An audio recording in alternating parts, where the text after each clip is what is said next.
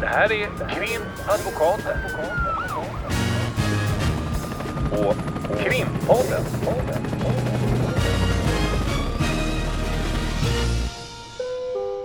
Parter och ombud kallas till sal 32.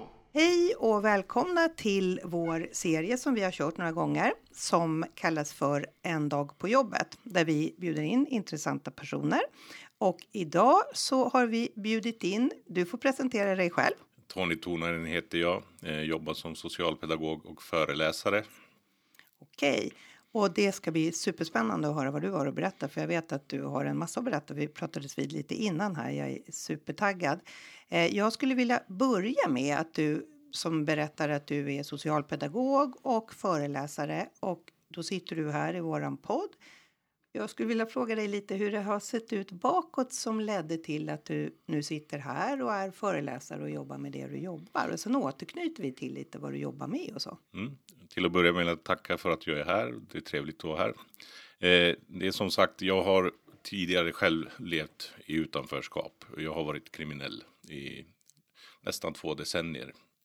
Får man vara så fräck och fråga hur gammal du är? Jag är 48 år idag. Okej. Ja. Mm. Så att eh, jag började i tonåren kan man säga i kriminalitet. Jag växte upp i Botkyrka, i Norsborg, norra delarna där. Eh, hade lite tufft hemma och sådär och eh, det ledde till att jag fick svårigheter i skolan. Koncentrationssvårigheter, svårt att sitta still och sådär och trivdes inte hemma kan man väl säga.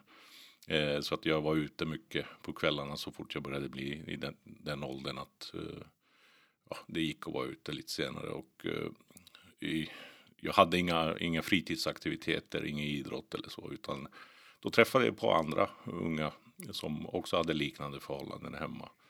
Eh, och vi hängde mycket där i, runt i förorten och eh, hittade på småbus. Och det utvecklade sig till att eh, jag började begå inbrott för att tjäna pengar.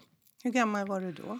Eh, det, ja, det började väl i sena tonåren, kring 15 någonstans. Eh, mindre stölder och inbrott och sådär. Och sen utvecklades det till ja, lite mer avancerade inbrott, kassaskåp och eh, ja, annat gods som är värdefullt, juveler, guld och så vidare. Var det då med, med samma gäng eller samma kompisar eller började du liksom söka dig ut mot andra eller? Ja, det var både och. Eh, Vissa i kompisgänget eh, gjorde man någonting med och sen vissa valde att gå andra vägar och sen träffade man även ju, ju mer liksom geografin växte eller att man rörde sig i, i större områden så började man träffa folk från olika stadsdelar och andra förorter och sen tog man tillvara på varandras kompetenser helt enkelt och eh, ja, fick kanske tips på de vägarna och så, så vidare så att eh, Ja, det var ju så det gick till. Att, det är väl som med alla andra yrken egentligen. Att man vill utvecklas och bli bättre. Att det är någon naturlig process. Lite som att man nätverkar helt enkelt. Ja, och så är det ju. Så att, eh, och sen efter, efter ett tag, jag tror jag var 22 eller 23. När jag be- begick mitt första eh, grova rån. Eh, då ville jag avancera. I, det var ett karriärsteg så att säga i, i den branschen. Och eh, det var ju mycket mer pengar och så vidare. Så att, eh, Då måste jag få fråga. Eh, då, då, då säger du så här kassaskåp och stölder och så. Då, där är det ju ganska sällan människor inblandade mer, än, mer än den som utför själva gärningen. Då. ja. Men ett, ett rån, ett, ett personrån eller ett större rån, där finns det ju människor inblandade. Då har man ju liksom passerat någon sorts gräns. Kan du beskriva det? Ja, det är ju så. Det är, det är att det, det förekommer ju. Det är alltid hot inblandat när man begår ett rån. Eh, hot om våld och så vidare. Jag såg inte det på det sättet då. Jag rättfärdigade ju mina handlingar genom att jag inte är ute efter att skada någon. Utan det är bara pengarna jag ska ha. Allt det här är liksom mer eller mindre teater. Det jag håller på med att eh, ja, jag hotar och är maskerad, beväpnad. Eh, jag begick ju inte personrån utan det var ju eh, poster, banker och värdetransporter. Men, eh, och sen hade jag även annan, eh, ett annat sätt att rättfärdiga det var att de som jobbar där de är ju liksom utbildade för det här och beredda för det här. Jag såg ju inte att jag traumatiserade dem och sådana saker. Så att, men samtidigt eh, någonstans tror jag att det påverkade mitt samvete för att när jag gick över till rån så eh, jag, jag, insåg inte det, men jag började må sämre också själv. Och det blev mycket mer eh, festande eh, ute på krogen och det blev mer droger och så vidare. Också i det liksom. Så att det ingick i det och det blev mer självdestruktivt också. Jag tror ju att jag någonstans traumatiserade mig själv mm. genom att begå de här handlingarna. Det är intressant när du säger just att du kunde rättfärdiga det med att du, du visste ju själv att du, du hade inte för avsikt att skada. Den andra personen har ju ingen aning om det, men att det går ändå att rättfärdiga en handling. Mm. Alltså man ska säga moraliskt sett. Va? Men då säger du att du, du, du har märkt, eller du, nu när du har analyserat situationen så mm. har du märkt att det, det, har ändå fått konsekvenser för dig. Ja, absolut och även, definitivt även för de som har drabbats mm. av mina brott. Eh, men det, det, är ju för att man ska kunna hålla på med sånt så måste man ju rättfärdiga det på något sätt.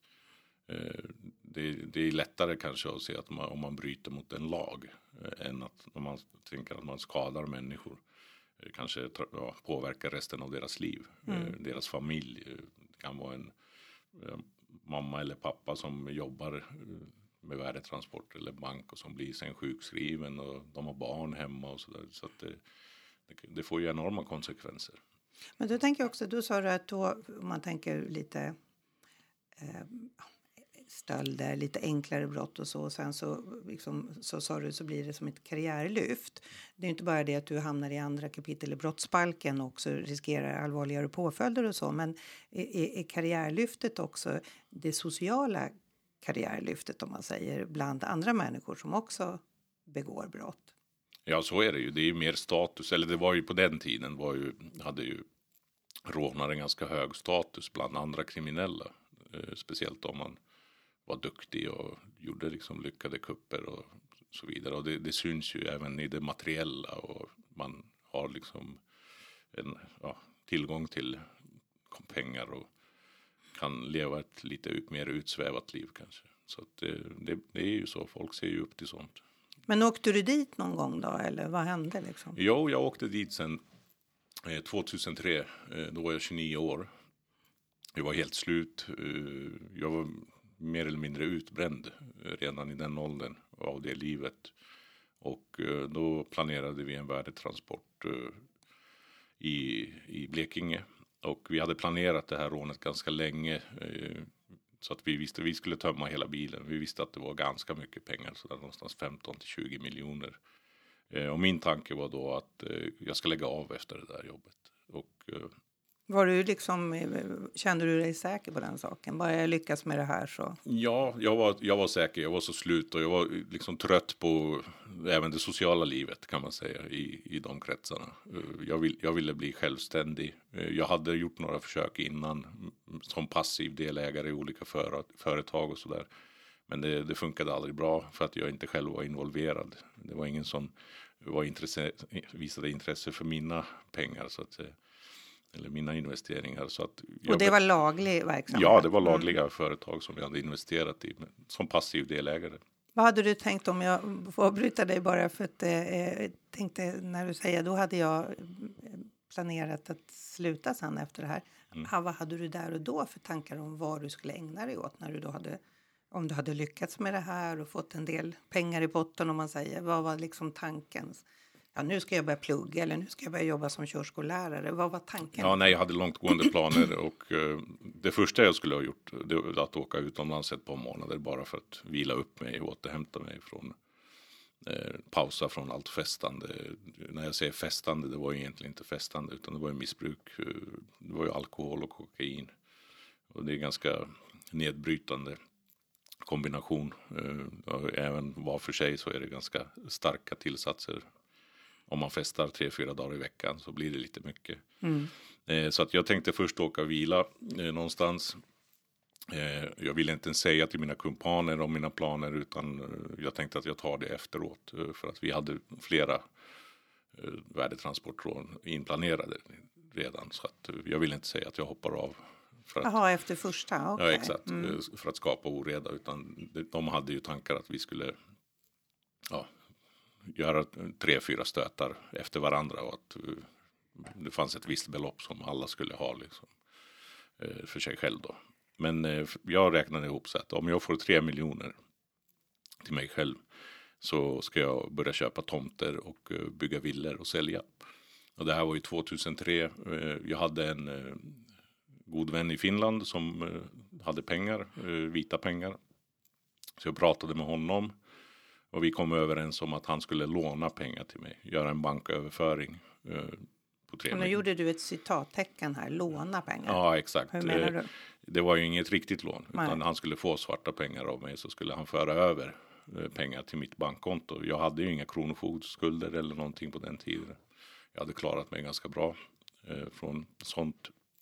Så att eh, ifall någon skulle fråga varifrån vi får pengarna då skulle jag kunna säga att jag har lånat av Mm. honom. Han ägde fastigheter och sådär. Så han hade liksom täckning för det, de pengarna.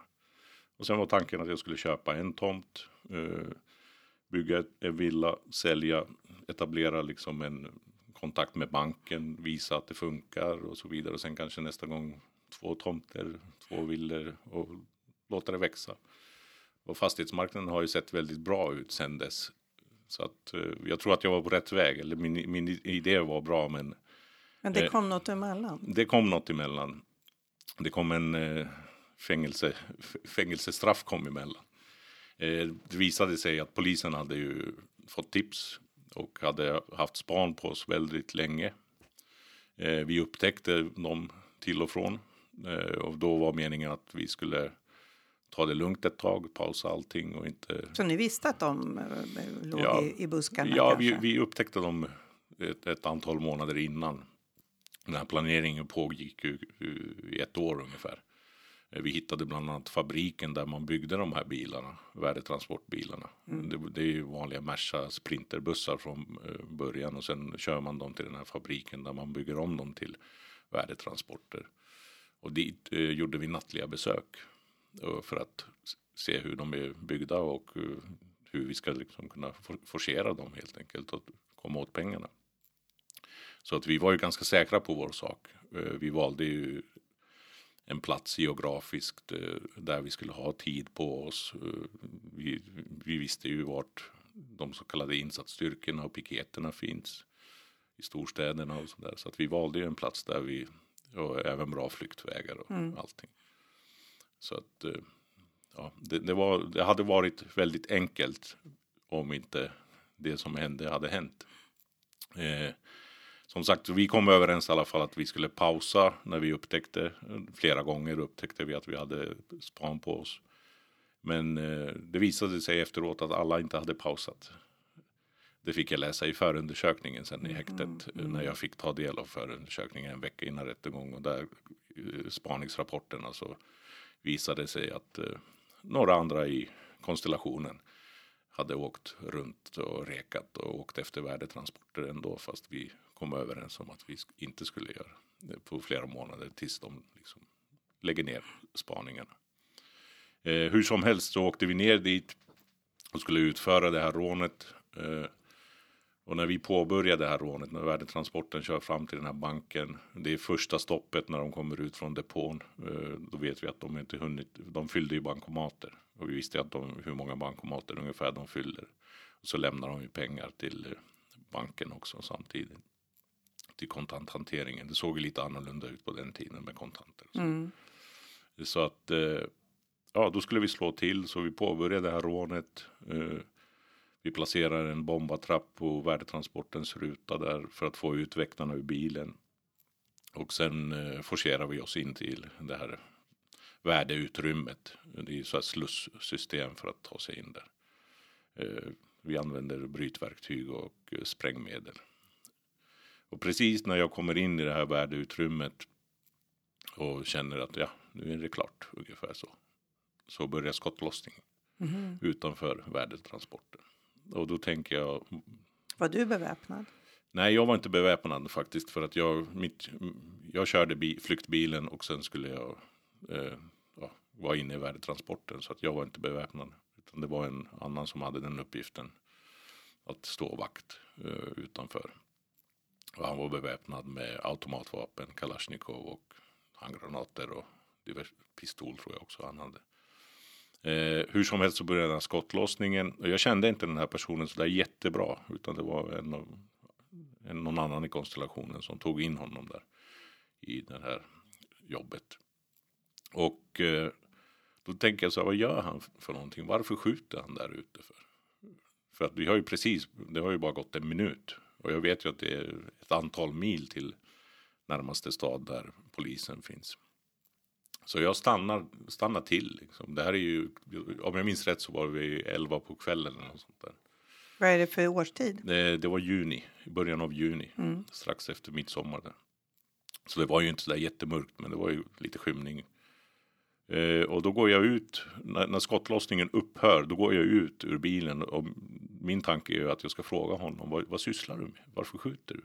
Liksom, jag, jag trodde ju att han hade liksom, börjat leka cowboy där ute och att, liksom, det, det kändes onödigt i alla fall. Så när jag går ut, rundar den här värdtransporten, jag går ut från sidodörren och sen går jag liksom bakåt till bilens baksida och rundar den. Då ser jag honom ligga på gatan eh, i en fyrvägskorsning. Mitt i korsningen ligger han ungefär kan det vara 20-30 meter ifrån. Och då blir jag ju självklart lite ställd. Jag ser ju ingen annan någonstans. Jag ser bara honom. Och då, liksom det, det blir ju, hjärnan jobbar ju då på högvarv och eh, sen tittar jag på honom och så ser jag att eh, han ligger still, helt, helt blickstill. Och i en konstig ställning med armar och ben och sådär lite ja, konstigt. Så då hoppar jag in i den här flyktbilen och sätter på eh, hellyserna. För att bilen står riktad mot honom. För att jag ska se bättre. För tanken är ju då att jag måste ta med honom i bilen. Och då ser jag att han blöder från huvudet. Och då tänker jag så här, ja, men då är det nog bättre att han blir kvar här. Att då, jag, jag förstår ju då att han har blivit skjuten. Och att det sannolikt är polisen som har skjutit honom. Men du att- ser inga poliser? Nej, jag ser ingen någonstans. Och jag förstår att de säkert är runt hörnet. Det är ju som en fyrvägskorsning och så är det byggnader ja, som täcker så här. Så att jag förstår ju att de är säkert runt hörnet. Eh, och då blir det ju snabba beslut. Eh, jag och min kumpan vi plockar ihop eh, ja, det vi hade där. Väskor med sprängämnen och lite pengar som vi hade hunnit få med. Och så tog vi en av de här väktarna som gisslan för att ta oss därifrån helt enkelt. Och så kör vi därifrån. Eh, och eh, ja, vi är ju rädda att bilen blir beskjuten. Vi måste ju passera den här korsningen för att eh, det är våra flyktväg går ju där. Så att eh, vi, vi kör och duckar och så vidare. För att inte låta den här väktaren sitta så att de ser honom. Vi, just det, vi visade upp väktaren innan. Så innan de skulle fatta att de Ja, inte exakt. skulle Vi, skjuta vi den? gick fram till hörnet där och visade upp honom. Mm. Så att eh, ja, de förstod att de inte skulle skjuta. Och vi kommer därifrån. Eh, väktaren är väldigt stressad såklart. Vi säger till honom att han ska ta det lugnt. Vi kommer släppa honom. Vi, vi kommer inte skada honom och sådär. Så att eh, vi åkte väl ungefär en halvtimme, tre kvart kanske med honom i bilen. Eh, sen i samband med bilbyte när vi ska byta flyktbil så släppte vi honom. Eh, och eh, ja, brände den där bilen som vi körde i och sen tog vi nästa bil. Och så åkte vi till ett, en stuga som vi hade hyrt innan. Och eh, där hade vi en eh, tredje bil. Hur många var ni där i bilen då? Då var vi två plus väktare. Mm. Alltså jag och en till väktare. Sen fanns det ju folk runt omkring som hade medhjälparroller men Mm. ingen fler På plats? Nej. Så att ja, vi släppte honom och sen eh, ja, försökte vi röja undan alla spår där i stugan. Eh, men det visade sig att någon inte hade kastat, eh, det fanns en soptunna utanför. Någon hade lämnat eh, sopor där då. Flaskor och ja, så livsmedel, köttråg och sådana Mm. saker med fingeravtryck och DNA. Eh, den, den skulle ha kastats redan innan rånet men det visade sig att den var kvar där. Och den glömde ju vi i, i den här stressen och kolla. Så att eh, då, då hittar man ju de, den här DNA där och kunde binda oss till Men ni, ni vet ju här när ni, ni, ni, ni förstår att en av er är, är sannolikt kanske om ni förstod att han var död i vart fall så kunde ni se blod från huvudet. Mm. Eh, och ni är två kvar då eh, och, och gör allt det här. Du, eh, ni måste ju, det vet ju inte jag, men jag misstänker att ni tänker att när som helst så kommer ju polisen. Ja, alltså det är ju så. Hoppet är väl det sista som läm- lämnar en eh, och då visste vi ju inte allt som vi visste några timmar senare. Eh, Vi frågade ju väktaren till exempel. Visste, du, visste ni att polisen eh, var omkring? Liksom att, att ni hade bevakning på värdetransporten? Och då erkände han ju att det var så. Och då liksom, och sen det här med span och allting. Och jag hade ju en väldigt dålig känsla redan innan rånet. Det är första gången någonsin jag har haft en sån eh, liksom, dålig känsla. Men jag ville bara få det överstökat. Var det just att ni hade märkt att polisen hade Ja, span det, och det, så? var, det var någonting som eh, liksom sa, magkänslan var inte alls bra innan. Och det var även en av mina kumpaner som frågade mig hur det känns innan. Och ville att jag skulle bekräfta hans känsla. Så att ni skulle slippa liksom? Ja, exakt. Han kände också någonting liksom dåligt på sig. Men, men eh, jag avfärdade det. Jag, jag sa, ja men det är okej, vi kör bara. Det är lugnt. Men det var ju mycket för att det hade gått så lång tid och man var så trött på det där. Och, och ska man avbryta och åka ner sen igen? Och det hade ju gått ja, nästan ett år sedan planeringen började. Och det, det tar ju mycket på psyket också. Det är stressigt liv och sen är man borta.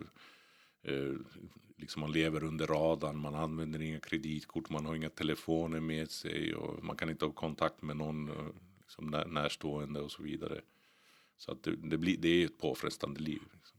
Man le, lever på luffen mer eller mindre kan man säga. Mm. Och så kanske alkohol och droger på det då? Ja, det, det blir ju så. Vi, vi, jag tog i alla fall aldrig någonting när vi utförde själva liksom, eh, jobben eller vad man nu ska kalla det. Men eh, däremellan så blev det ju mycket. Absolut.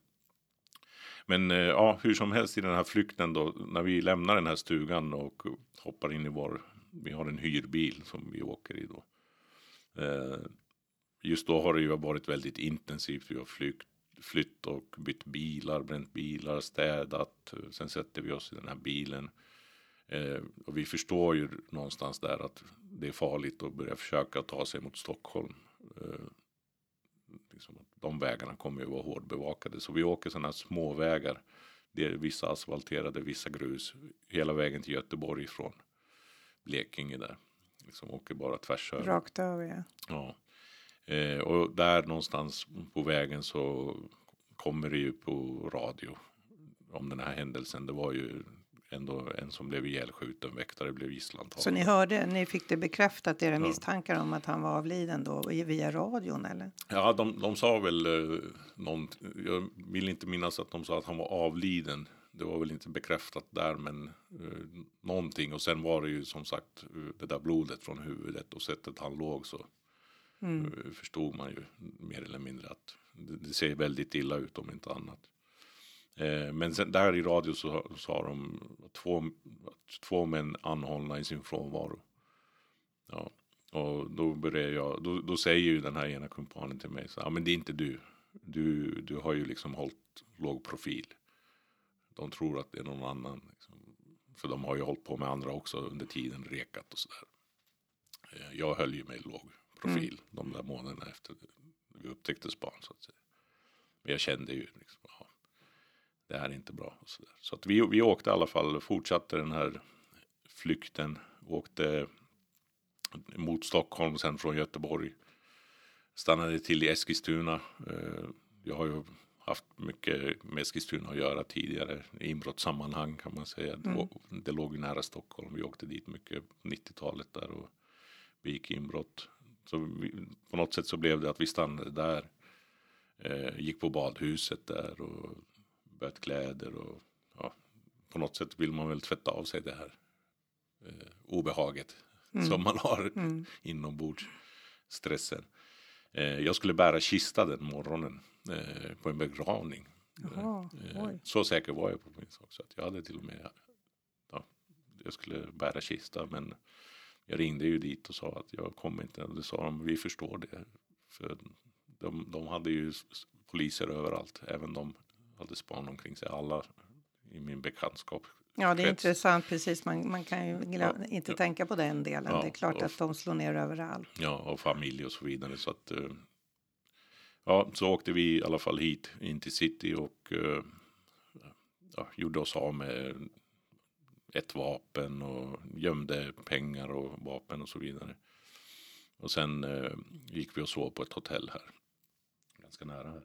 På Vas nära Vasagatan. Hotell Frej, jag kommer inte ihåg. Mm. Vad heter den där? Är det Gamla Brogatan eller vad den heter? Hur som helst sov vi där. Eh, och det kom ju hela tiden på nyheterna om det här. Så att ni och kolla på tv och lyssna på radio? Ja, ja, självklart. Vi kollade och sådär. Men vi var ju väldigt trötta också. Mm. Eh, Vi hade ju liksom ja, vaknat rånmorgonen. Eh, Allt hade hänt och sen hade vi inte sovit. eh, Ja, det blir nästan 48 timmar eller något sånt. Så att eh, vi somnade ju där på hotellrummet. Och vaknade tidigt och eh, skulle gå ner och äta frukost. Och när vi går ner till frukosten då kommer tidningarna precis. Kvällstidningarna, Aftonbladet och Expressen. Och den här killen som levererar tidningarna han lägger in dem i en sån här ställning. Och det, om jag minns rätt så var det en fredag. Och eh, då har de någon sån här bilagor eh, med.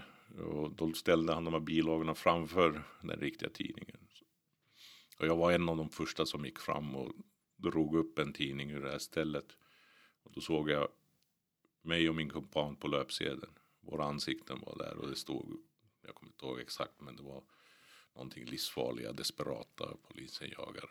Beväpnade kanske? Ja, det, det var någonting. Det var i alla fall eh, dramatiska rubriker. Och eh, jag hade ju folk bakom mig som också ville ta tidningen. Så att, jag vet, jag stoppade bara ner den igen. Liksom, det var trångt också så den liksom skrynklade sig när jag tryckte ner den. Och min eh, kumpan hade redan gått och, in till frukostbuffén där. Och så stod han där och plockade mat. Eh, och jag gick fram till honom och knackade på axeln och sa bara att vi måste dra härifrån. Och han ifrågasatte det och men då sa jag liksom, vi måste dra härifrån. Och sen gick vi upp till rummet snabbt och plockade ihop allting. Och sprang ner för brandtrappan, nödutgången ungefär så. Och sen eh, förklarade jag varför.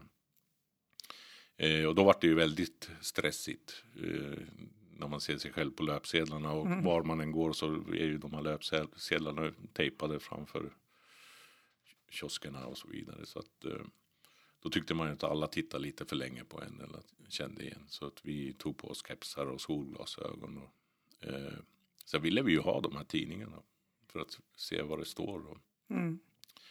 Eh, så att eh, vi gick runt lite och så hittade vi en, en kiosk som vi tyckte var lämplig. Att här kan vi gå in utan att de ringer polisen. Eh, och köpte vi de där tidningarna och så gick vi och satte oss på en parkbänk och läste och kollade och sådär. Och så stod det ju där att polisen sa ju att de hade tappat bort oss två dagar innan rånet och så vidare. De visste inte var vi tog vägen och sen helt plötsligt så hände det här och en av de som de hade span på låg dö- död där på platsen. Då blev det bekräftat att han Ja. var död. Så att eh, ja, det, jag tror att vi fick det- reda på det innan också på nyheterna. Men just de här detaljerna med att de har haft span på oss eh, och tappat oss två dagar innan. Det, det visste jag inte. Eh, och sen intervjuade de även Leif GW där då. Och han som vanligt, han sa det här kommer bli svårt för polisen att fälla dem eftersom de har tappat bort dem. Och så där. Så det gav ju lite hopp såklart. Eh, och så började vi diskutera kring hur, vad, finns det för alternativ nu? Eh, begå ytterligare ett rån under en flykt. Alltså när man är riks efterlyst i hela landet och alla gränser är låsta. Och så. Eller fly landet. Eh, och leva i landsflykt i 15 år tror jag det var preskription. Hade ni pass och sånt? Eh, ja, det hade vi. Men eh, det hade ju blivit en liten... Man kunde ju inte knallat in på Arlanda Nej, och nej. bokat flyg. Men jag tänkte liksom. att ni ändå hade det. Ja. Var det för att ni, det fanns någon oroskänsla redan i botten eller var det för att du brukade gå omkring med pass? Nej, men det, jag hade ju tänkt att jag skulle åka utomlands. Eh, Mm. Det var ju Ja, min just det. tanke. Att jag, jag skulle bara gömma liksom, bytet och säkra allting och städa undan alla bevis och sen skulle jag åka utomlands. Så att, eh, det var väl därför jag hade med mig. Men sen när jag tänkte på det här med landsflykt i 15 år. Eh, jag hade bekanta som hade försökt. De flesta återvände frivilligt. De tröttnar. Mm. Räcker det nu vill jag komma hem och äta köttbullar till jul. Eller, eller det kan vara någon sån här bagatell. Och även, även fast det finns en fängelsedom i andra änden så kommer de ändå tillbaka. Och det, det är ju mycket man får liksom offra då. eh, Kontakt med familj och vänner och allting. Så att eh, det blir ju ett svårt liv. Det, det är inte lika roligt att åka utomlands när man måste. Än när man vill. Nej, nej, precis. Ja. Det är inte som semester. Man Nej. får ju också leva någon typ av laglöst liv även i utlandet. Och man kan aldrig vara... Jag har ju klienter som har, har gjort på det viset och Ja. sen som du säger återvänt till Sverige, vissa av dem. Och då eh, beskriver ju de den situationen i utlandet att det är ju att hela tiden titta sig bakom ryggen och vara orolig att det ska hända någonting. Så att det är, Mm. det är liksom inte värt det i slutändan. Nej, och det, det var ju där jag landade. Eh, jag sa till min kumpan att jag, jag kommer gå in till min advokat nu. Så vi satt faktiskt ganska nära. Min advokat hade kontoret på Hantverkargatan där. Sju advokater. Thomas Rottpfeffer var min advokat på den tiden. Och, eller han var nästan alltid min advokat när jag hade någon bekymmer som behövde, behövde krävde advokat. Eh, Väldigt duktig och välrenommerad advokat. Väldigt bra. Mm. Eh, Jag gillade honom eh, från första gången. Jag hade honom i någon mindre sammanhang. Eh, Men jag, jag fick ett gott intryck. Eh, Han gjorde lite mer än som krävdes. Liksom det här. Ja, vi, hade, vi fick en bra kontakt i alla fall. Men då ringde du bara då, hej, god dag till växeln. Nej, Eller? utan jag gick in dit till kontoret. Ja, du Vi- knackade på. Vi, var- vi var där nära, det finns en liten park där eh, nära precis hans kontor. Så att, min kumpan tog en taxi till Gun- Gunnar Falk tror jag han åkte. Så han valde att göra samma sak som du, att söka upp sin advokat. Ja, så han, han valde honom då. Eh, jag vet inte om han hade haft honom innan men han åkte dit i alla fall. Och jag gick in på kontoret, plingade på och de släppte in mig och jag presenterade mig och sa att jag sökte Thomas. Thomas var i rätten då. Då sa de, "Ja, men du kan sätta dig och vänta här. Han kommer strax, det var strax innan lunch om jag minns rätt. Eh, och jag, jag blev ju lite nervös, och ni ringer väl inte polisen sa jag. Nej, nej, nej, men det gör vi inte med våra klienter. Liksom. Så att eh, jag satte mig där och så kom Thomas. Jag, jag tror att de hade informerat honom att jag väntade där. Han kom i alla fall inrusandes där. De bjöd mig på mat där också för de hade lunch på kontoret. Där, så sen kom han inrusande. Så, om jag minns rätt så sa han, är det stressigt nu? sa ja, det var det ju såklart. Det kan man tro. Ja, så att eh, ja, vi pratade lite eh, om situationen och sen eh, sa jag att ja, vi går in till Kungsholmen. Det är inte långt ifrån kontoret. Där. Till polisstationen. Ja, exakt. Så att eh, han ringde till och med. Jag minns inte om han ringde någon utredare eller åklagaren eller någonting. Och sa att eh, jag har kontaktat honom eh, och att jag vill komma in. Att jag vill att det ska gå lugnt till. Mm, mm. Eh, så ja, hur som helst så vi, vi promenerade. Eh, och jag hade den här tidningen med mig fortfarande där vi var på löpsedlarna. Jag hade den ihopvikt ja, under armen. Så, där, så gick vi genom den här parken där mellan tingshuset och polishuset och fram till huvudingången. Eh, till receptionen där. Eh, och då sa jag till den här vakten som stod där, väktare som jobbade i receptionen att ja, de söker mig här. Jag var ju väldigt stressad själv liksom. Och han var mer lite så här ignorant. Ja, du får vänta. Och så slängde jag Fick du visa tidningen? Jag slängde den där tidningen på disken. Jag, jag, jag ville ju liksom bara Får du överstökat? ja, komma Ja. in. Och när han såg det då, då så ringde han och sen kom de ner med hissen. Eh, om, om jag minns rätt var det två eller tre eh, civila. Det var väl de här utredarna. Det gick, allt gick lugnt. Vi klev in i hissen och åkte upp in till ett förhörsrum. Eh, ja, förneka brott som vanligt och ja, förstod inte alls vad det handlade om. Körde du med inga kommentarer också då eller? Ja, det var, det var väl bara det att jag, jag sa bara förneka brott och sen inget, inget Mm. mer att tillägga. Liksom, ungefär något sånt. Det var väldigt kort, kort förhör. Kalkylerade ni när, ni när ni satt och pratade där när du berättade när ni läste i tidningen, du och din medkumpan, att när ni pratade om att lämna landet eller så. Mm. Eh, fanns det också med i, i att i flykten finns det ju också en, en ganska överhängande risk att man också faktiskt kan bli både skadad och dödad? Ja, självklart, självklart. Det, det märkte man ju där på platsen hur det var. Det var ju eh, det, det finns ju olika versioner av vad som hände egentligen. Men det finns även oberoende vittnen som styrker den versionen som vi hade. Att Det var de som började skjuta. Och att de sköt honom i huvudet. Han hade ju skottsäker väst på sig. Det var inga skott i, det var några i höften och ett i huvudet. Men inga i västen. Nej.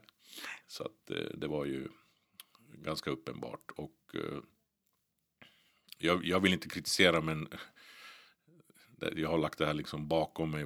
Och det vi gjorde var olagligt men eh, de bröt även också mot lagar. I och med att de, det finns någonting som heter förberedelse till grovt rån. Mm.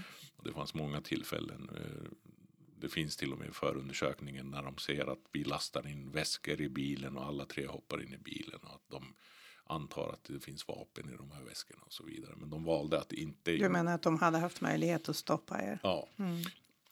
Så att eh, de, de lovade ju till och med väktarna att de skulle skydda dem. Mm. Att det kommer ske ett rån. Vi vet inte vilken av era transporter. Men vi kommer skydda er och så vidare. Men så blev det inte. Det var ju en väktare som blev gisslantagen och den andra var ju nära att bli skjuten. Han som låg mot bankväggen bakom den- den här kumpanen som blev ihjälskjuten. Det fanns ju skotthål ungefär 20 centimeter från hans huvud Mm. på väggen. Så att, eh, det, det blev ju väldigt fel där. Eh, och sen att det finns oberoende vittnen som säger att skottlossningen, som såg eh, kumpanen och hörde att skottlossningen började från annat håll så att säga. Och då när man sitter på, på vad ska man säga, när man sitter och tittar bakåt i tiden, Mm. då eh, förstår jag det som att givetvis en, en, en tanke från din sida är ju att hade man stoppat det här så hade ingen blivit skjuten och, och ingen hade heller blivit gisslantagen och, och att det är beklagligt att man inte ryckte in innan då. Mm. Men där sitter du nog då har, har kommit in och fått eh, legitimera dig genom Expressens Mm. första sida och sen blir du då eh, förd till ett förhörsrum kan jag tänka mig. Och du var ju anhållen i din frånvaro då.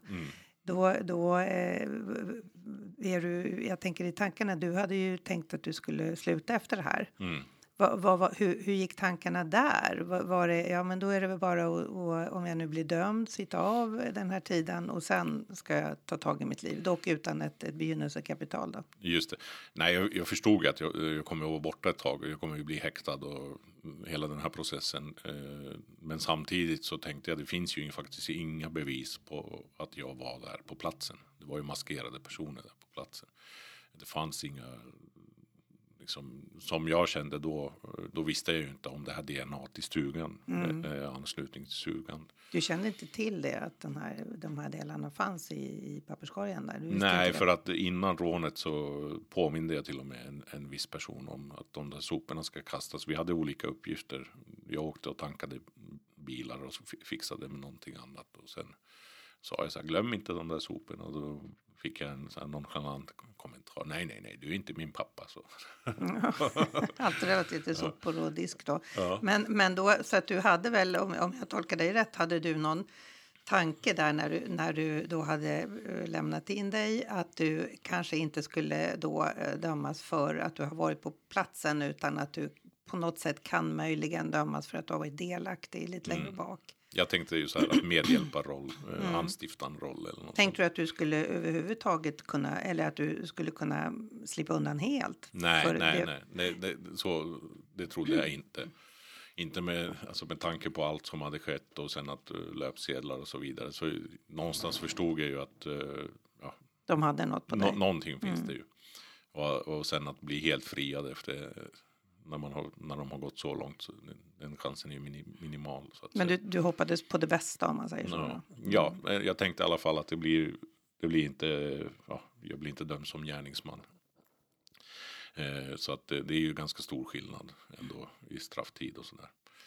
Eh, men sen kom, började det komma fram mer, mer, mer information. Först ble, blev ju, skulle utredningen hållas här i Stockholm, men det blev ju åklagarbråk och det var åklagaren i Blekinge var arg på åklagaren i Stockholm för att de inte hade involverat honom i det här, att det pågick spaningar och eh, sånt. Liksom, de, det här var ju länskrim i Stockholm, den ökända eh, delen som ja, det har kommit fram mycket om senare. Som höll i den här utredningen. Eh, men sen slutade det med i alla fall att utredningen skulle flyttas ner till eh, Blekinge där, Karlskrona. Så Flyttades du dit då också? ja, så jag sov en natt på häktet här i Kronoberg och sen på morgonen kom eh, piketen från Stockholm och tog mig. Och sen fick jag skjuts av dem ner till Blekinge. Det var enormt pådrag. Även fast jag hade lämnat in och jag sa Mm. till dem, jag förstår inte att ni kunde ha gett mig tågbiljett, sa jag. jag, jag, jag har ju kommit in Ni frivilligt. ser ju att jag kommer. Ja, Ja. precis.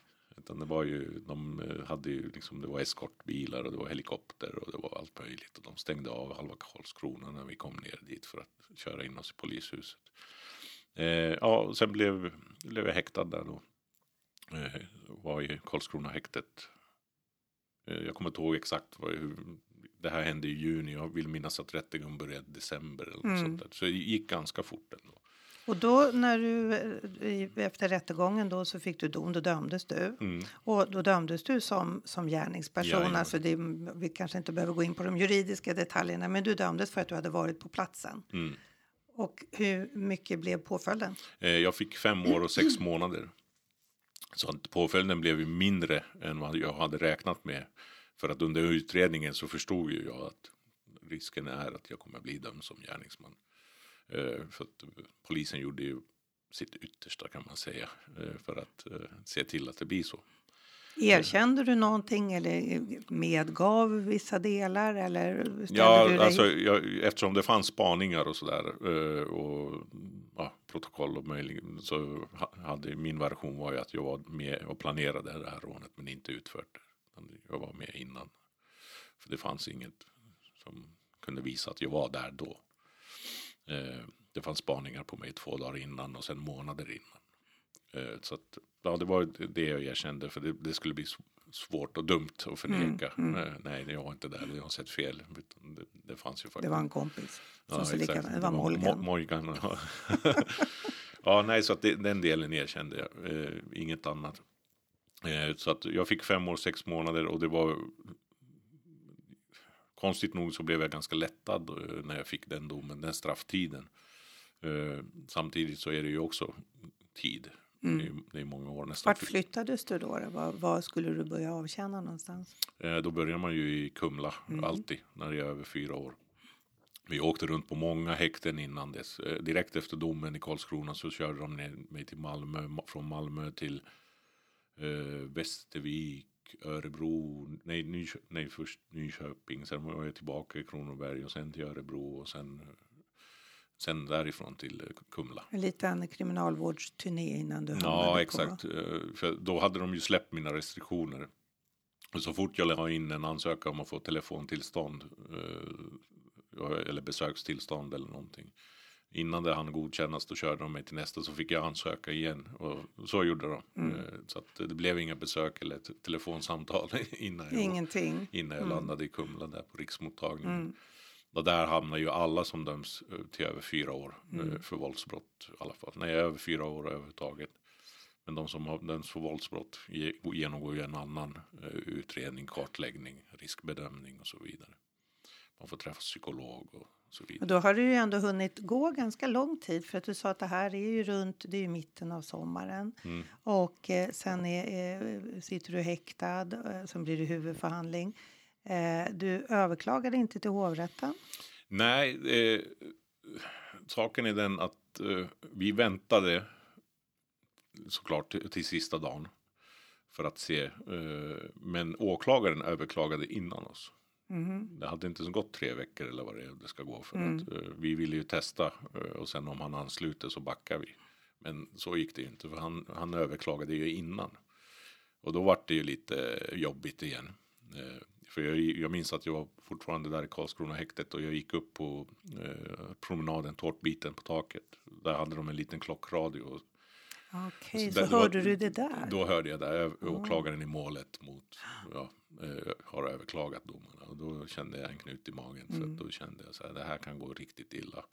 Han yrkade ju, eh, det var en kumpan, kumpan till mig, han, han blev ju dömd för flera saker. Och till honom yrkade han 14 år. Och i slutpläderingen sa han ett par år mindre till mig. Så du tänkte kanske 12? Ja, där någonstans. Och Thomas och jag pratade minst åtta, tänkte vi. Eh, så när jag fick fem och ett halvt så, eh, ja, när de kom, eh, personalen, häktespersonalen kom till mig och skulle delge mig domen så var de i tre stycken och de var ju beredda på att jag skulle få något utbrott. Och jag låtsades ju att jag var väldigt arg framför dem. Eh, Så fort de gick ner, ut ur rummet så var ja, ungefär så. Att jag var väldigt lättad samtidigt och så räknade jag, "Jaha, men det här är tre år och åtta månader. Och det, det, om jag hade blivit dömd till åtta så hade jag suttit över fem år. Ja, effektiv tid. Så att jag var ju lättad eh, just då i den stunden. Eh, och sen, eh, ja, hur Men som. sen måste ni upp i hovrätten då? då och, Nej, det, det, på något sätt. Jag pratade med Thomas eh, om det här och eh, Thomas pratade med, med Falk och Uggla. Uggla var också för en, en med- annan advokat? Ja, medhjälpare Nils Uggla. Eh, de pratade vi pratade liksom ja, ihop efteråt. Hur ska vi göra nu och så där. Och på något sätt så lyckades de övertala åklagaren att backa. Och åklagarens motivering till det här var att han tyckte att det var onödigt att alla vittnen och så vidare skulle behöva gå igenom den här processen igen.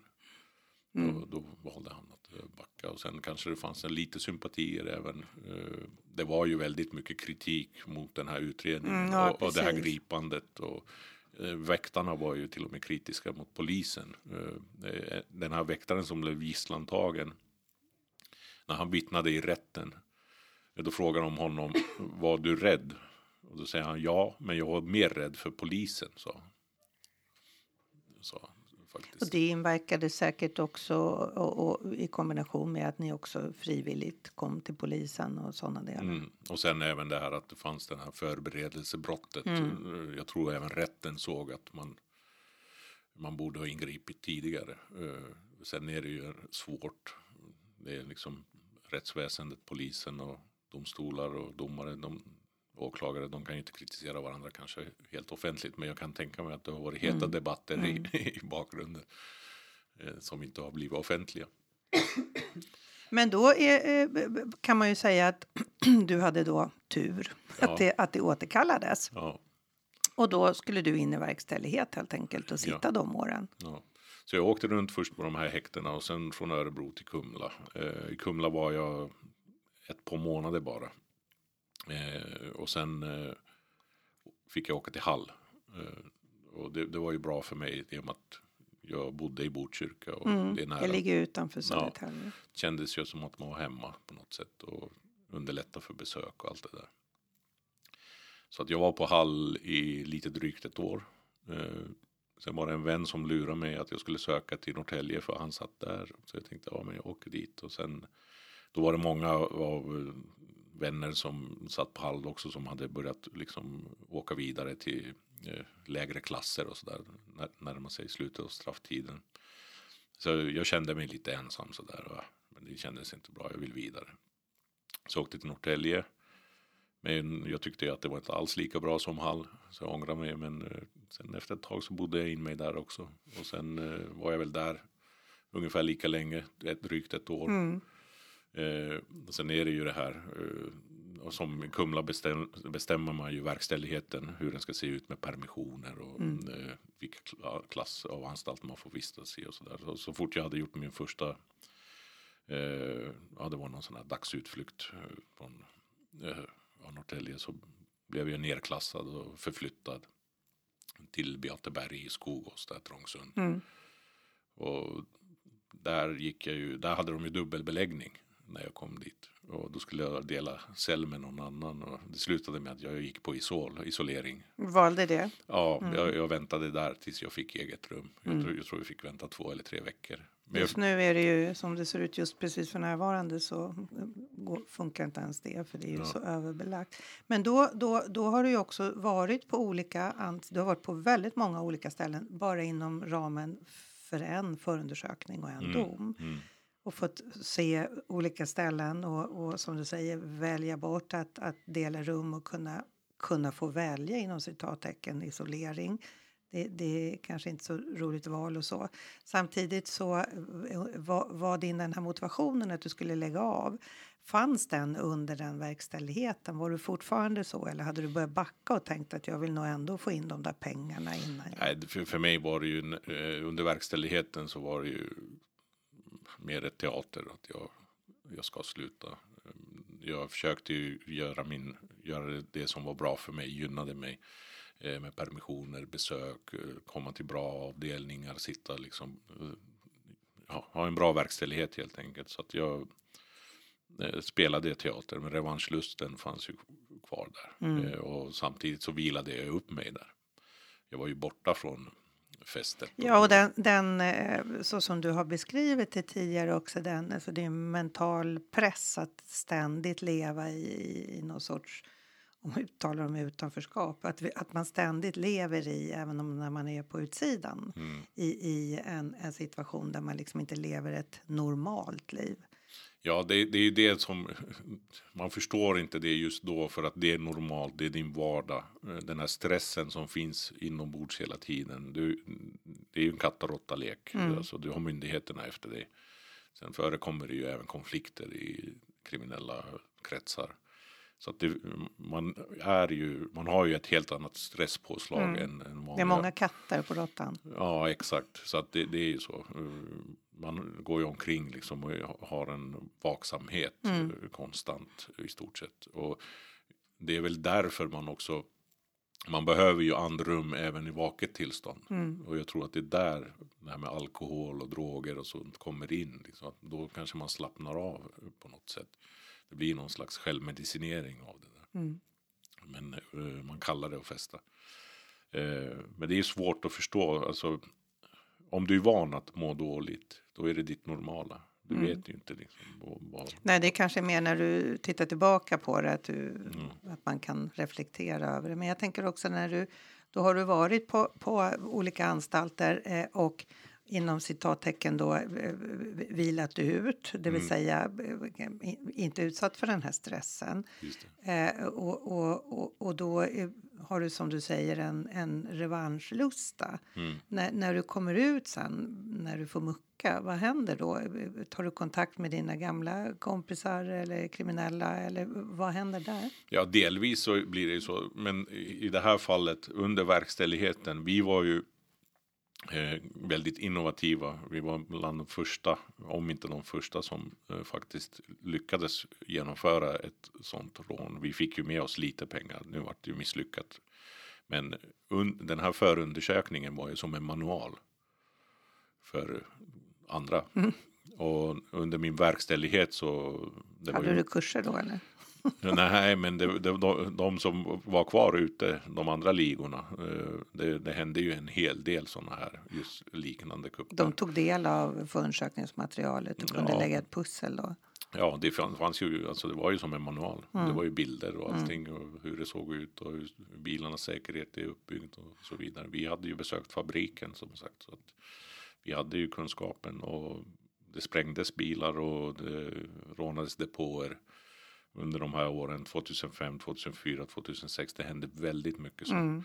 Eh, och när jag kom ut eh, mars, april 2007. Eh, då började då, då hade ju säkerheten börjat ändras. Eh, och sen är det ju också när man har varit på en viss nivå så vill man ju inte börja från ruta ett utan och nu är ju jag medveten om vad eh, rättsväsendet är kapabel till att det är inte helt säkert att de avbryter mig innan mm. och så mm. vidare. Och nu har jag eh, kommit till en nivå där skulle det gå snett en gång till så skulle ju strafftiden bli helt annat och även kanske den här konfrontationen om det skulle ske. Jag kanske skulle reagera på ett annat sätt också då. Eh, och jag var ju medveten om det här och hur jag blev behandlad eh, av polisen framförallt eh, efter när jag kom ut om jag blev stoppad någonstans. Mm. Eller, det var ju, jag blev ju, ja, det var ju de där rubrikerna liksom. Det var ju så jag blev behandlad, liksom livsfarlig eller desperat. Och, ja, sen har man haft en, en konfrontation med dem. Och jag var misstänkt för tidigare liknande händelser. Så ja, jag fick ju liksom det bemötandet också. Mm. Så att det, jag kände ju ganska snabbt efter eh, frigivning att eh, den här utmattningen började komma tillbaka. Ja, precis. Och sen eh, just det här att okej, nu ska, om man ska genomföra ett rån då ska det vara ett stort rån. Det ska inte vara något litet utan det ska vara ett stort som ger ett, en, eh, ett ordentligt byte. Och för att genomföra ett stort rån så krävs det många inblandade. Och där hade jag också en dålig erfarenhet när jag läste förundersökningen att man inte höll sig till det man hade kommit överens. Och om man tittar historiskt på sådana här stora rån, det, det räcker ju att en gör något misstag så rasar hela korthuset. Och i vissa fall så har de ju till och med, ja det har skett mord och så vidare efter det här. Och det började ändras där i kriminella världen. Många började gå över till narkotikahandel Mm. och så vidare. Och jag har väl aldrig liksom eh, känt någon dragningskraft till den. Eh, Och där är det mycket konflikter. Eh, och jag förstod ju att om jag ska fortsätta då måste du liksom du måste behålla din, eh, din mark eller din, ditt revir och din status och du kommer bli utmanad. Och, eh, för att behålla den här statusen så måste du begå ganska brutala handlingar på löpande band. Och jag kände att jag vill inte leva så. Jag vill inte bli mördare. Jag vill inte bli mördad. Jag vill inte riskera livstid. Så sakta men säkert så det var ungefär samma sak där. Jag, jag vill hitta en väg ut. Men jag behöver lite kapital. Mm. Men sen började det här med rån. Jag kände att nej, det, inte, det funkar inte för att det, det är stora saker och det krävs många. Jag höll på med ekobrott och liksom hankade mig fram mer eller mindre.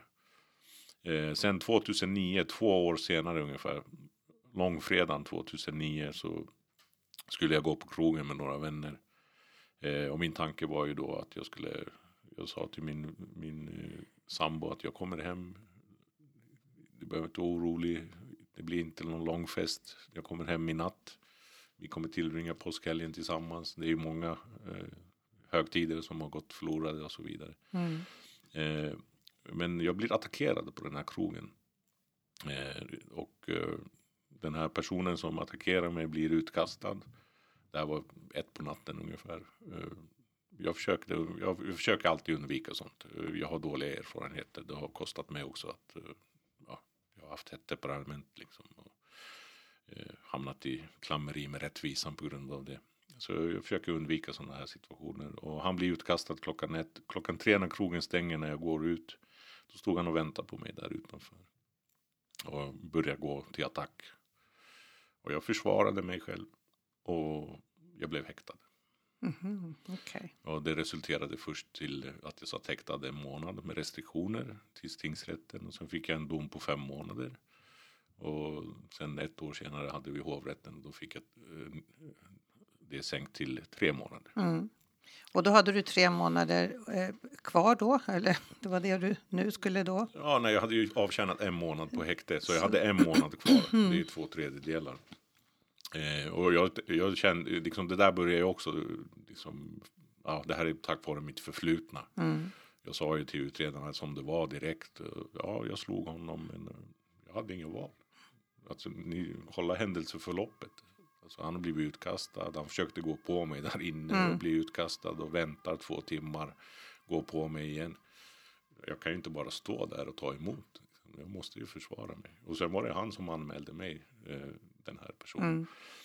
Eh, Och att det är mitt förflutna, mitt register som gör att jag sitter här. Jag, annars hade jag varit he- hemma nu. Mm. Liksom. Det, det var lite sådär jag kände att nu är det dags för något annat. Eh, jag kan inte ens gå ut på krogen och ha kul utan att riskera att hamna i fängelse och sitta i häktet. Liksom. Komma hem en månad senare och säga ja det vart en lite lång fredag. här. Den här långfredagen, en månad. Det är inte kul längre. Nej. Så att eh, ja, det var där jag kände att nu räcker det. Eh, och jag, jag började min väg ut där. Men det tog ungefär två år nästan. Januari 2011 fick jag fotboja tack vare den här eh, månaden. Mm. Först fick Mm. jag kallelse till eh, att jag skulle ställa in mig i Karlskoga-anstalten. Jag skulle ställa in mig 19 december. Eh, Apropå högtider som familjen två- missar. 2010, 19 december skulle jag ställa in mig. Vi hade haft hovrätten någonstans i maj tror jag. Då ringde jag kriminalvården och sa ja, men jag kommer ansöka om uppskov och de sa direkt vi kommer slå ner på det och det blir inga uppskov för dig. Du blir lyst om du inte kommer 19. Mm. Eh, så ringde jag igen och då var det en eh, så här frivårdsinspektör som sa, men om du, eller om det var kriminal, just det, placeringsenheten, om du ansöker om fotboja istället. Då blev jag lite förvånad, vadå, kan jag få fotboja? Hur, hur går det till? Jag tänkte att det är omöjligt eftersom jag redan Ja, ja, ja, precis. har eh, avtjänat flera straff och så vidare. Ja, om du har studier eller arbete, minst 20 eller 25 timmar i veckan sysselsättning måste du ha. Jaha, okej. Ja, Då fixade jag det via en familjebekant på ett byggföretag. Han hade killar från Estland och Lettland och sådär som jobbade där. Och då sa han, men jag behöver någon som eh, ja, funkar lite som arbetsledare, prata med kunder och dirigera killar. För kunderna vill inte prata engelska och sådär. Så att du får ta den rollen. Så tänkte jag, ja, men jag kör det här en månad och sen eh, går jag Mm. tillbaka. Mm. Eh, och jag fick, eh, jag började där och jag körde bil, jag hade inte körkort. Jag körde ändå bil under min, jag hade ju kört bil 17 år utan körkort så att det var ju svårt att ha det, den rollen utan att köra bil. Jag, jag kan inte anlita någon som Nej, chaufför. det är liksom. lite svår verksamhet Ja, utan körkort. Jag minns att jag fick skicka sms till eh, kriminalvården varje gång jag bytte adress. Och ibland såg jag en sån här, för jag hade ju den här bojan på mig, så såg jag en sån här kriminalvårdsbil med flera antenner på taket. De åker förbi och pejlar och ser att Mm. jag verkligen är där jag säger att jag är. Så där höll vi på och sen kom de hem ibland och skulle, då fick jag lämna utandningsprov eller urinprov. Just det, ja. Men någonting hände under den här månaden. Eh, Jag började ju få liksom vanlig dygnsrytm. Och jag kände det var kul. Mm. Jag hade kul med de här killarna. De gillade mig också. De, de sa du är, du är en bra chef. Jag, jag är ändå ja, medmänsklig på något sätt. Jag, Då blev du, du, du betraktad mer som en helt vanlig civil person. ja exakt. Och sen hade jag En träffat. chef helt enkelt. Ja, så träffade jag de här eh, bygg, ja, kunderna. Liksom. Det kunde vara byggföretag eller privata personer. Och skoja lite och sådär. Ja, jag kände att det här var helt okej. Och jag fick ju lön och sen eh, jag fick så här lönebidrag. Eh, och sen fick jag lön också. Så att jag såg att ja, men det går ju att göra. Och sen kan jag göra lite egna. Hitta egna jobb och så får jag lite procent på det. Och, och så vidare. Så jag, jag stannade kvar där. Eh, och jag var kvar i två år eller två och ett Mm. halvt år. Men jag ändrade lite roll. Från att vara arbetsledare så blev det så att jag blev egenföretagare men jag använde hans Mm. företag. Men du hade inga eh, fishy grejer på gång utan du, du vi, vilade du i den här situationen av att det var nog ändå ganska skönt att slippa den här katt och råtta-leken? Ja, nej, ingen fish, eller fishy, visst, man kan säga att det var lite fishy i och med att jag fick lönebidrag från staten. Eh, och eh, han och jag delade på den. För jag jobbade ju inte åt honom längre. Utan nu började jag Okej. fixa egna jobb. Men, men jag hade Så ju... små fischer men ing, inga Ja, värdetransportrån exakt. direkt? Jag hade ju skulder nu eh, från, till Kronofogden. Och nu började jag tjäna vita pengar och även lite svarta som det var svart, svarta jobb, liksom bygg, byggjobb som. eh, Men då såg jag en sån här möjlighet för jag, den här, det här lönebidraget som jag fick. Mm. Ja, det, var, det skulle räcka att, att betala av skulderna så att jag såg det som eh, Ja, det var ju fishy. Mm. Men det kändes bättre för att då var det inte mina pengar de tog. Utan de tog sina egna pengar. Det är alltid bra att, det, att man bygger upp ett försvar och det är väl det som är den mänskliga naturen. Att man måste ha ett försvar i allt det som man känner någonstans inte var Mm. så himla bra. För Men- det där är ju också ett hinder ofta. Man, man, eh, när man vet liksom, okej men nu ska jag ändra mig. Ja, men jag har inget körkort och jag har skulder. Och Mm. Ska jag börja jobba vitt och då kommer de ta alla mina pengar. Jag kommer leva på existensminimum. Det, det är inte så där jättemotiverande. Mm. Så att där såg jag liksom att okej men jag kan acceptera för det är ju deras pengar. Det är inte, jag, jag får ju betalt för det jobbet jag utför Mm. ändå. Och de kommer inte röra mina pengar. Och jag fick ju det här lönebidraget i ja, de där två och ett halvt åren. Så att jag gav dem nästan 11 000 i månaden. Mm. Och sen lyckades jag förhandla med flera sådana här gäldenärer och fick ner så att ja, det var ursprungsskulden, tog bort alla räntor och sånt. Så Jag blev Men då börjar, då, då börjar du liksom komma på en, en nivå om man säger att du har prövat på att leva alltså ett, ett, vad kan man säga, ett, ett vanligt vuxenliv. Mm. För du har ju levt i den här världen under väldigt lång tid och aldrig riktigt levt ett vuxenliv som en vanlig svennebanan. Och, och så får du göra det nu i, som en testperiod och så blir du av med dina skulder. Då står du ju liksom på, på en avsats och ska välja, välja håll här nu. Då ska Mm. du fortsätta i, i, på det här viset eller ska du tänka att du ska gå tillbaka till att vara i den kriminella världen? Mm. Ja, men det, det, man vacklar ju oftast, oftast när, det, när det är så här jobbigt. Eh, då känner man ju att nej, men nu struntar jag i det här och går tillbaka till det där gamla vanliga. Men sen eh, liksom det, det kan vara en stunder av affekt och så vidare. Men sen när man liksom lugnar ner sig och går ur reptilhjärnan och börjar tänka ordentligt så förstår man ju att nej, det, jag ville ju därifrån. Varför ska jag gå tillbaka dit? Men Så- du tänk, förlåt. Ja, som sagt, jag blev skuldfri. Mm.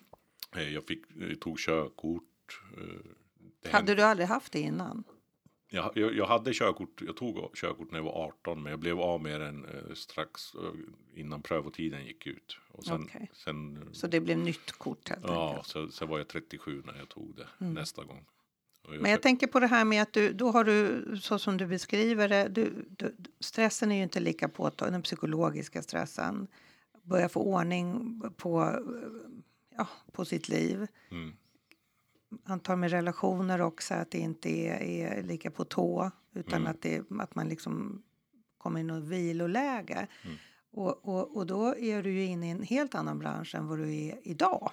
Eh, då, då tänkte jag skulle vara intressant att höra hur du kom in i det här med socialpedagog och, och att hjälpa unga och kriminella och så. Hur, hur liksom från att du jobbade med det här bygge och, och åt det här hållet, transport och så, hamnade du där? Eh, jo, det blev så här att eh, 2013, 2014 tror jag någonstans. Då hade jag lämnat det här byggföretaget. Eh, jag fick någon sån här känsla av att jag måste söka liksom jobb, eh, vanliga jobb.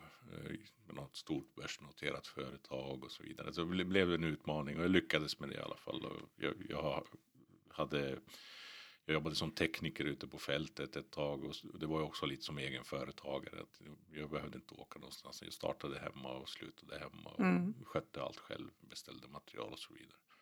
Eh, sen ville jag jobba som tjänsteman på kontor. Jag lyckades få en sån tjänst på världens största vitvaruföretag. De skickade mig utomlands på utbildningar, London, Italien och så vidare. Men du fick jobb fast du onekligen förekom i belastningsregistret. Ja, de kollade nog inte upp mig då. Jag Det var lite andra tider då. Ja, och sen eh, intervjuerna. Jag hade väl en förmåga att Mm. göra ett gott intryck i alla fall. Och sen, men sen kom jag fram till att det var ingenting för mig i alla fall. Det här att sitta på kontor och sånt. Så att jag, gick tillbaka på fältet. Eh, men sen började jag må dåligt. Det liksom kom ikapp mig på något sätt. Mm. För jag hade ju bara lämnat och börjat jobba och trodde att nu har jag Bara stängt av den sidan på Ja, exakt. Men sen det har ju hänt väldigt mycket under, under den tiden. Och mycket förluster och sorger och allt Mm. möjligt som låg där och grydde. Så att eh, jag började må dåligt och jag var tvungen att ta tag i de här sakerna. Till slut så var det en, en person som berättade sina erfarenheter till mig. Och via det så vågade jag även be om hjälp själv. Eh, Innan dess var, var det omöjligt. En person som hade samma bakgrund som du? Nej, men hade gått igenom utbrändhet och så. eh, Och berättade liksom att, eh, vilka effekter det fick. Som Jag minns att han berättade, han, han, han berättade att han en dag var nära att slå sin dotter. När han var utbränd. Och då gick han till läkare. Mm. Och det där fick mig att förstå att oj, för jag, jag var ju också, jag hade ju mycket inombords. Mm. Eh, Ja, trauma, PTSD kanske någonting. Och när jag blev stressad så blev jag arg. Och då kunde jag, ja, jag, jag såg risker i det. Mm. Eh, Jag, jag höll ju in det där och jag tränade och så vidare. Men eh, ja, det fanns ju alltid situationer där det kunde liksom gå illa. Eh, I trafiken, parkeringsvakter och det, det ena och det andra. Liksom, jag såg att ja, men någon dag kan du spåra ur. Mm. Så att jag, jag var tvungen att ta tag i det där. Jag mådde väldigt dåligt och jag började, jag började en bearbetningsprocess. Eh, och i det så någonstans så fick jag det här. Men jag har ju faktiskt eh, erfarenheter och sen har jag egenskaper också som eh, passar in och jag har en vilja eh, att eh, jag kan använda den här dåliga mörka historien till att göra något gott. Jag är en trovärdig budbärare eh, i, i och med att jag vet vad jag pratar om. Jag kan berätta sanningen. Men satte du dig på skolbänken då eller hur? Nej, utan jag, jag sökte timanställningar och så vidare. Jag jobbade på sådana här ungdomsboenden, HVB-hem. Mm. Och, eh, och sen efter ett tag så fick jag en tjänst där jag jobbade med avhoppare eh, på Fryshuset. Och, ja, då vill, gjorde jag ju det som passade mig väldigt bra. Jag träffade killar inne på anstalterna och, hade, och sen eh, hade föreläsningar och enskilda besök och samtal och coachade killar här på utsidan som ville lämna, hoppa av. Eh, det gick ju bra. Eh, sen var det lite andra saker i, i teamet som gjorde att jag valde att gå vidare från det. Eh, och jag har jobbat med avhoppare och unga sen dess. Mm. Kan man säga. Det, det är ju jätteintressant att höra för att du beskriver ju då att alternativet om man skulle då... Du, du var hela tiden någonstans som du beskriver det lite var inte helt klar, någonstans lite suktade ändå på att gå tillbaka till det andra men började spegla det i, i, i den pressen som det innebär. Och sen gled du väl mer eller mindre över som du, som du beskriver i, i, i det här att jobba på sitta på kontor och lite sådär men inte riktigt som jag upplever det eh, hade någon jättestark motivation. Och när du då kan man säga känner att nu mår jag riktigt dåligt här och får hjälp, våga söka hjälp så blir liksom cirkeln sluten. Att du kan se att du har ju eh, värd, högt värderade egenskaper som du kan använda i kombination med din, din tidigare erfarenhet. Det är jätteintressant att tänka då eh, om man ska återknyta till det här med en, en vanlig dag på jobbet. För jag tänker att när du träffar ju folk, du berättar att du jobbar på HVB-hem och, och, och institutioner och så, men också i avhopparverksamhet. Eh, när du, du har ju gå, det, det är en lång resa. Just det. Och, och hur, på vilket sätt eh, som, kan du motivera dem? De är ju kanske inte alls i det läget. Om man är avhoppare då vill man ju och kanske har en motor men man flaxar ju lite emellan. Eller om du träffar på barn, unga människor, unga vuxna på HVB-hem kanske inte alls är intresserade. Lite som när du beskrev när du var på anstalt och skötte dig för, för skötan, skötsamhetens skull Just det. när det inte var någon motivation. Hur, hur, hur jobbar du med det liksom, för att nå fram till att de ska få samma insikter som du?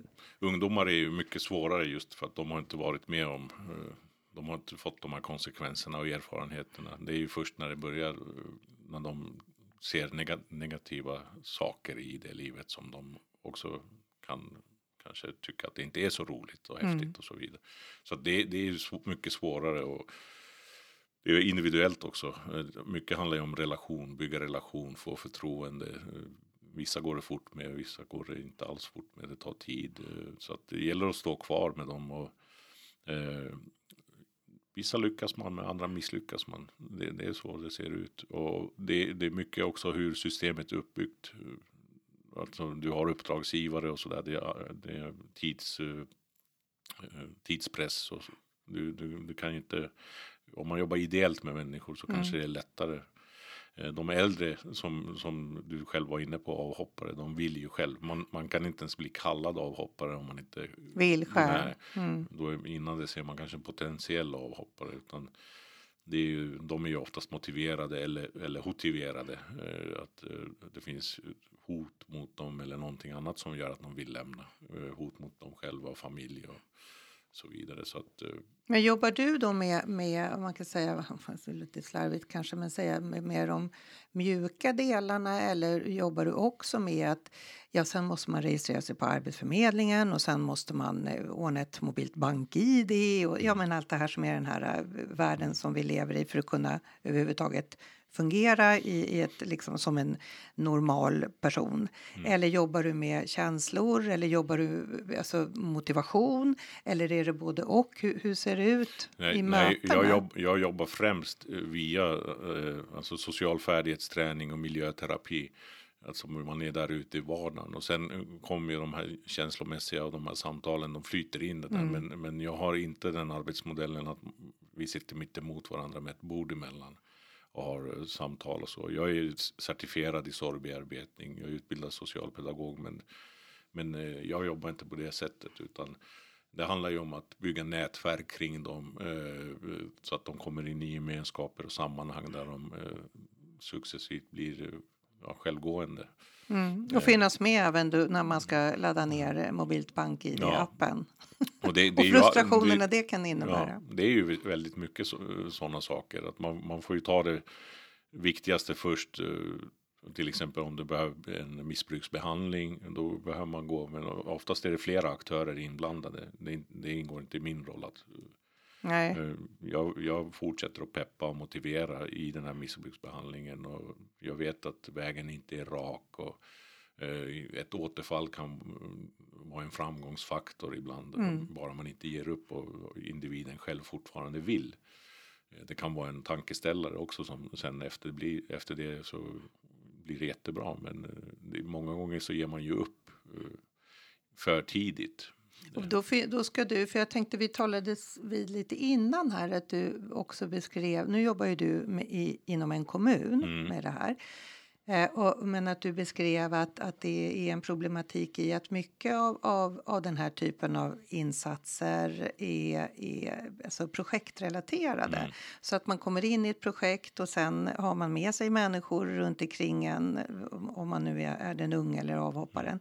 Och sen är det slut på projektet. Om du kan beskriva lite mm, dina tankar kring det. Ja, nej, det, det jag saknar, det, det borde vara lite mer samordnad, eh, nationellt samordnat kanske det här arbetet. Att alla jobbar på samma sätt och att det inte är eh, tidsbegränsade projekt. Eh.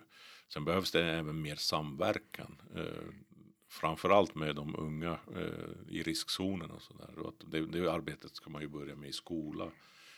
Så att det behövs ju någon slags individ och familjestöd. Och det, det finns eh, eh, många luckor att fylla i det där. Eh, och det, det ser vi ju i samhället att man inte har lyckats i och med att vi har det här skjutvapenvåldet.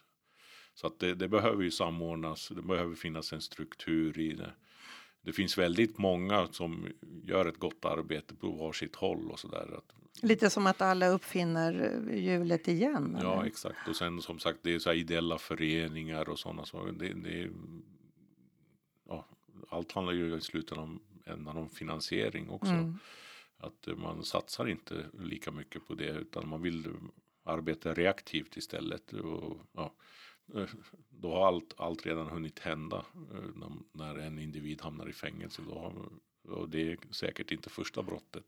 Och det är många brottsoffer, mycket mänskligt lidande och samhällskostnader innan man når dit. Så att det, det ligger även vinst i att agera tidigt eh, kostnadsmässigt. Vad tror du i ditt liv? Nu, du har ju beskrivit eh, vad som hände och, och, och du berättade lite kring initialt att det funkar inte så bra i skolan och det funkade inte så bra hemma. Men, men hade det kanske funnits någon annan som hade, hade du funnits med i ditt eget liv så kanske man hade kunnat fånga upp dig. Men, men eh, vad tror du är, det är jättesvårt att uttala sig om men, men och du kan ju berätta från din egen erfarenhet men du träffar ju också unga människor. Vad är liksom, vad, är det det brister i? Vad är det man behöver sätta in och vad är det för åtgärder man behöver göra för att man inte ska hamna totalt på sniskan? Ja, nej, men det är ju så. Oftast det finns ju en röd tråd. Sen är det ju många olika faktorer i, i enskilda fall. Men eh, mycket handlar ju om hemförhållanden ofta. Eh, vissa fall kan de ju vara traumatiserade redan väldigt tidig ålder. Och sen eh, kanske man misslyckas i skolan på grund av det. Eh, man blir liksom ja, man skuldbelägger offret eh, kan man säga. Det här barnet som eh, har ja, omsorgssvikt eller vad det nu är för olika saker så hamnar man i speciella klasser och kuratorsamtal och sådär. Det, det blir fel fokus på något sätt känner jag och de, de har kanske tappat förtroendet för vuxna och den här tilliten, svårt anknytning. Det, det är ju tidskrävande arbete. Eh, Och jag tror ju att det i dagens skolor definitivt det behövs fler pedagoger och sådär som jobbar med de här sakerna ut, vid sidan av lärandet. Och då tänker du i tidig ålder eller? Ja, tidig ålder, absolut. Och det, det ska ju funka och även eh, på något sätt relationer med familjer. Eh, det har ju blivit annorlunda idag än vad, till och med på min tid var det ju. Alltså, jag tycker att man hade mer det här. Folk brydde sig mer och kunde lägga sig i. Nu, nu för tiden gör man inte det. Du menar andra vuxna så? Ja, eller? exakt. Grannen kunde säga till till exempel om man gjorde något Mm. och så vidare. Sen, sen är det ju individuellt. eh, Man må, behöver ju hitta liksom problemen. Som när jag var liten. Jag är skilsmässobarn från Finland. Jag kom hit som tre, strax innan jag fyllde fyra. Eh, hamnade i en, eh, fick en styrpappa som var våldsam mot min mamma. Eh, jag ville inte vara här. Jag ville bo hos min mormor i Finland. Eh, det var där jag hade min trygghet. Här hemma var det, det växlade mellan trygghet och otrygghet. Och det där, jag förstod inte det då. Det är först nu när jag har utbildat mig och läst och jobbat med de här sakerna. Vad det kan göra med människor. eh, Och, speciellt barn. De första tre åren till exempel. Så att man behöver ju eh, liksom förstå sociologin kring individen. eh, För att, om man ska hjälpa. Ja, det, och då är det jätteintressant. Det, som du säger, det blir ju som att man fyller... Det, det finns olika glapp och det händer saker som gör att man utvecklas åt, åt ett håll som kanske inte är så gynnsamt för den enskilda individen. Och, men att när du ser det i retrospektiv, titta tillbaka så har du på något sätt fyllt i de här glappen och, och fått någon sorts mönster i, i hur, hur du tror att det blev som det blev för din del. Just det. Eh, och om man då ska ställa den banala frågan hur en vanlig dag är på jobbet för dig då, om man tänker att du kom ju med all den här erfarenheten och har fyllt i de här glappen och fått den här eh, manualen eller vad man ska säga. Hur, hur kan du när du kommer till ditt jobb en, en vanlig dag? Jag förstår att alla dagar är ovanliga om man inte vet, men hur, hur kan du liksom, hur kan du med, du har facit, Mm. hur kan du använda det i en vanlig dag? Ja, eh, det, det varierar ju som sagt, men jag har ju en, en förmåga. Jag vet inte, ibland, det är en, kanske en gåva, ibland är den inte det. Det känns det som eh, att jag kan se bakom personen eh, och förstå att det ligger någonting där som orsakar ett visst beteende eller ja, de som är lite liksom avviker från mängden kanske. Eller, vissa är ju även i grupp, att de är flera. Så att jag, jag ser ju dem, jag blir nyfiken och intresserad. Och vill pilla bort Ja. eh, Jag har ju haft eh, olika roller. Jag har jobbat förebyggande, behandlande. Just nu jobbar jag mer som främjande. Men på, på ett sätt är det också förebyggande. För att jag främjar det friska. Eh, att det ska fortsätta. Eh, så att inte man hamnar där. Och vissa av dem kan ju vara lite i riskzonen för att hamna där. Så att det, det är ju där jag är just nu. Och mitt sätt att bemöta eh, utåtagerande unga till exempel. Det kanske avviker. Jag är inte den som kommer att peka med hela handen. Utan jag kanske frågar varför är du ledsen? mm. Och visar intresse i, i den här individens beteende. Vill förstå. Och försöker skapa en relation. Så att jag får till det där samtalet så småningom. När den personen kan berätta till mig. Eh, hur den egentligen mår. För att mår man bra så är man bra. Och så gör man bra.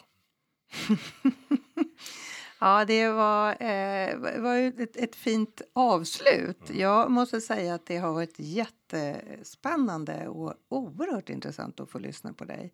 Och du är också en väldigt sympatisk person så jag skulle gärna ha suttit här och pratat ända till det blev julafton apropå att missa högtider. Men jag är jättetacksam för att du tog dig tid att komma hit. Supertack! Tack själv du. Det var jättetrevligt att vara här. Ja. Hej så länge! Hej då. Krimpodden.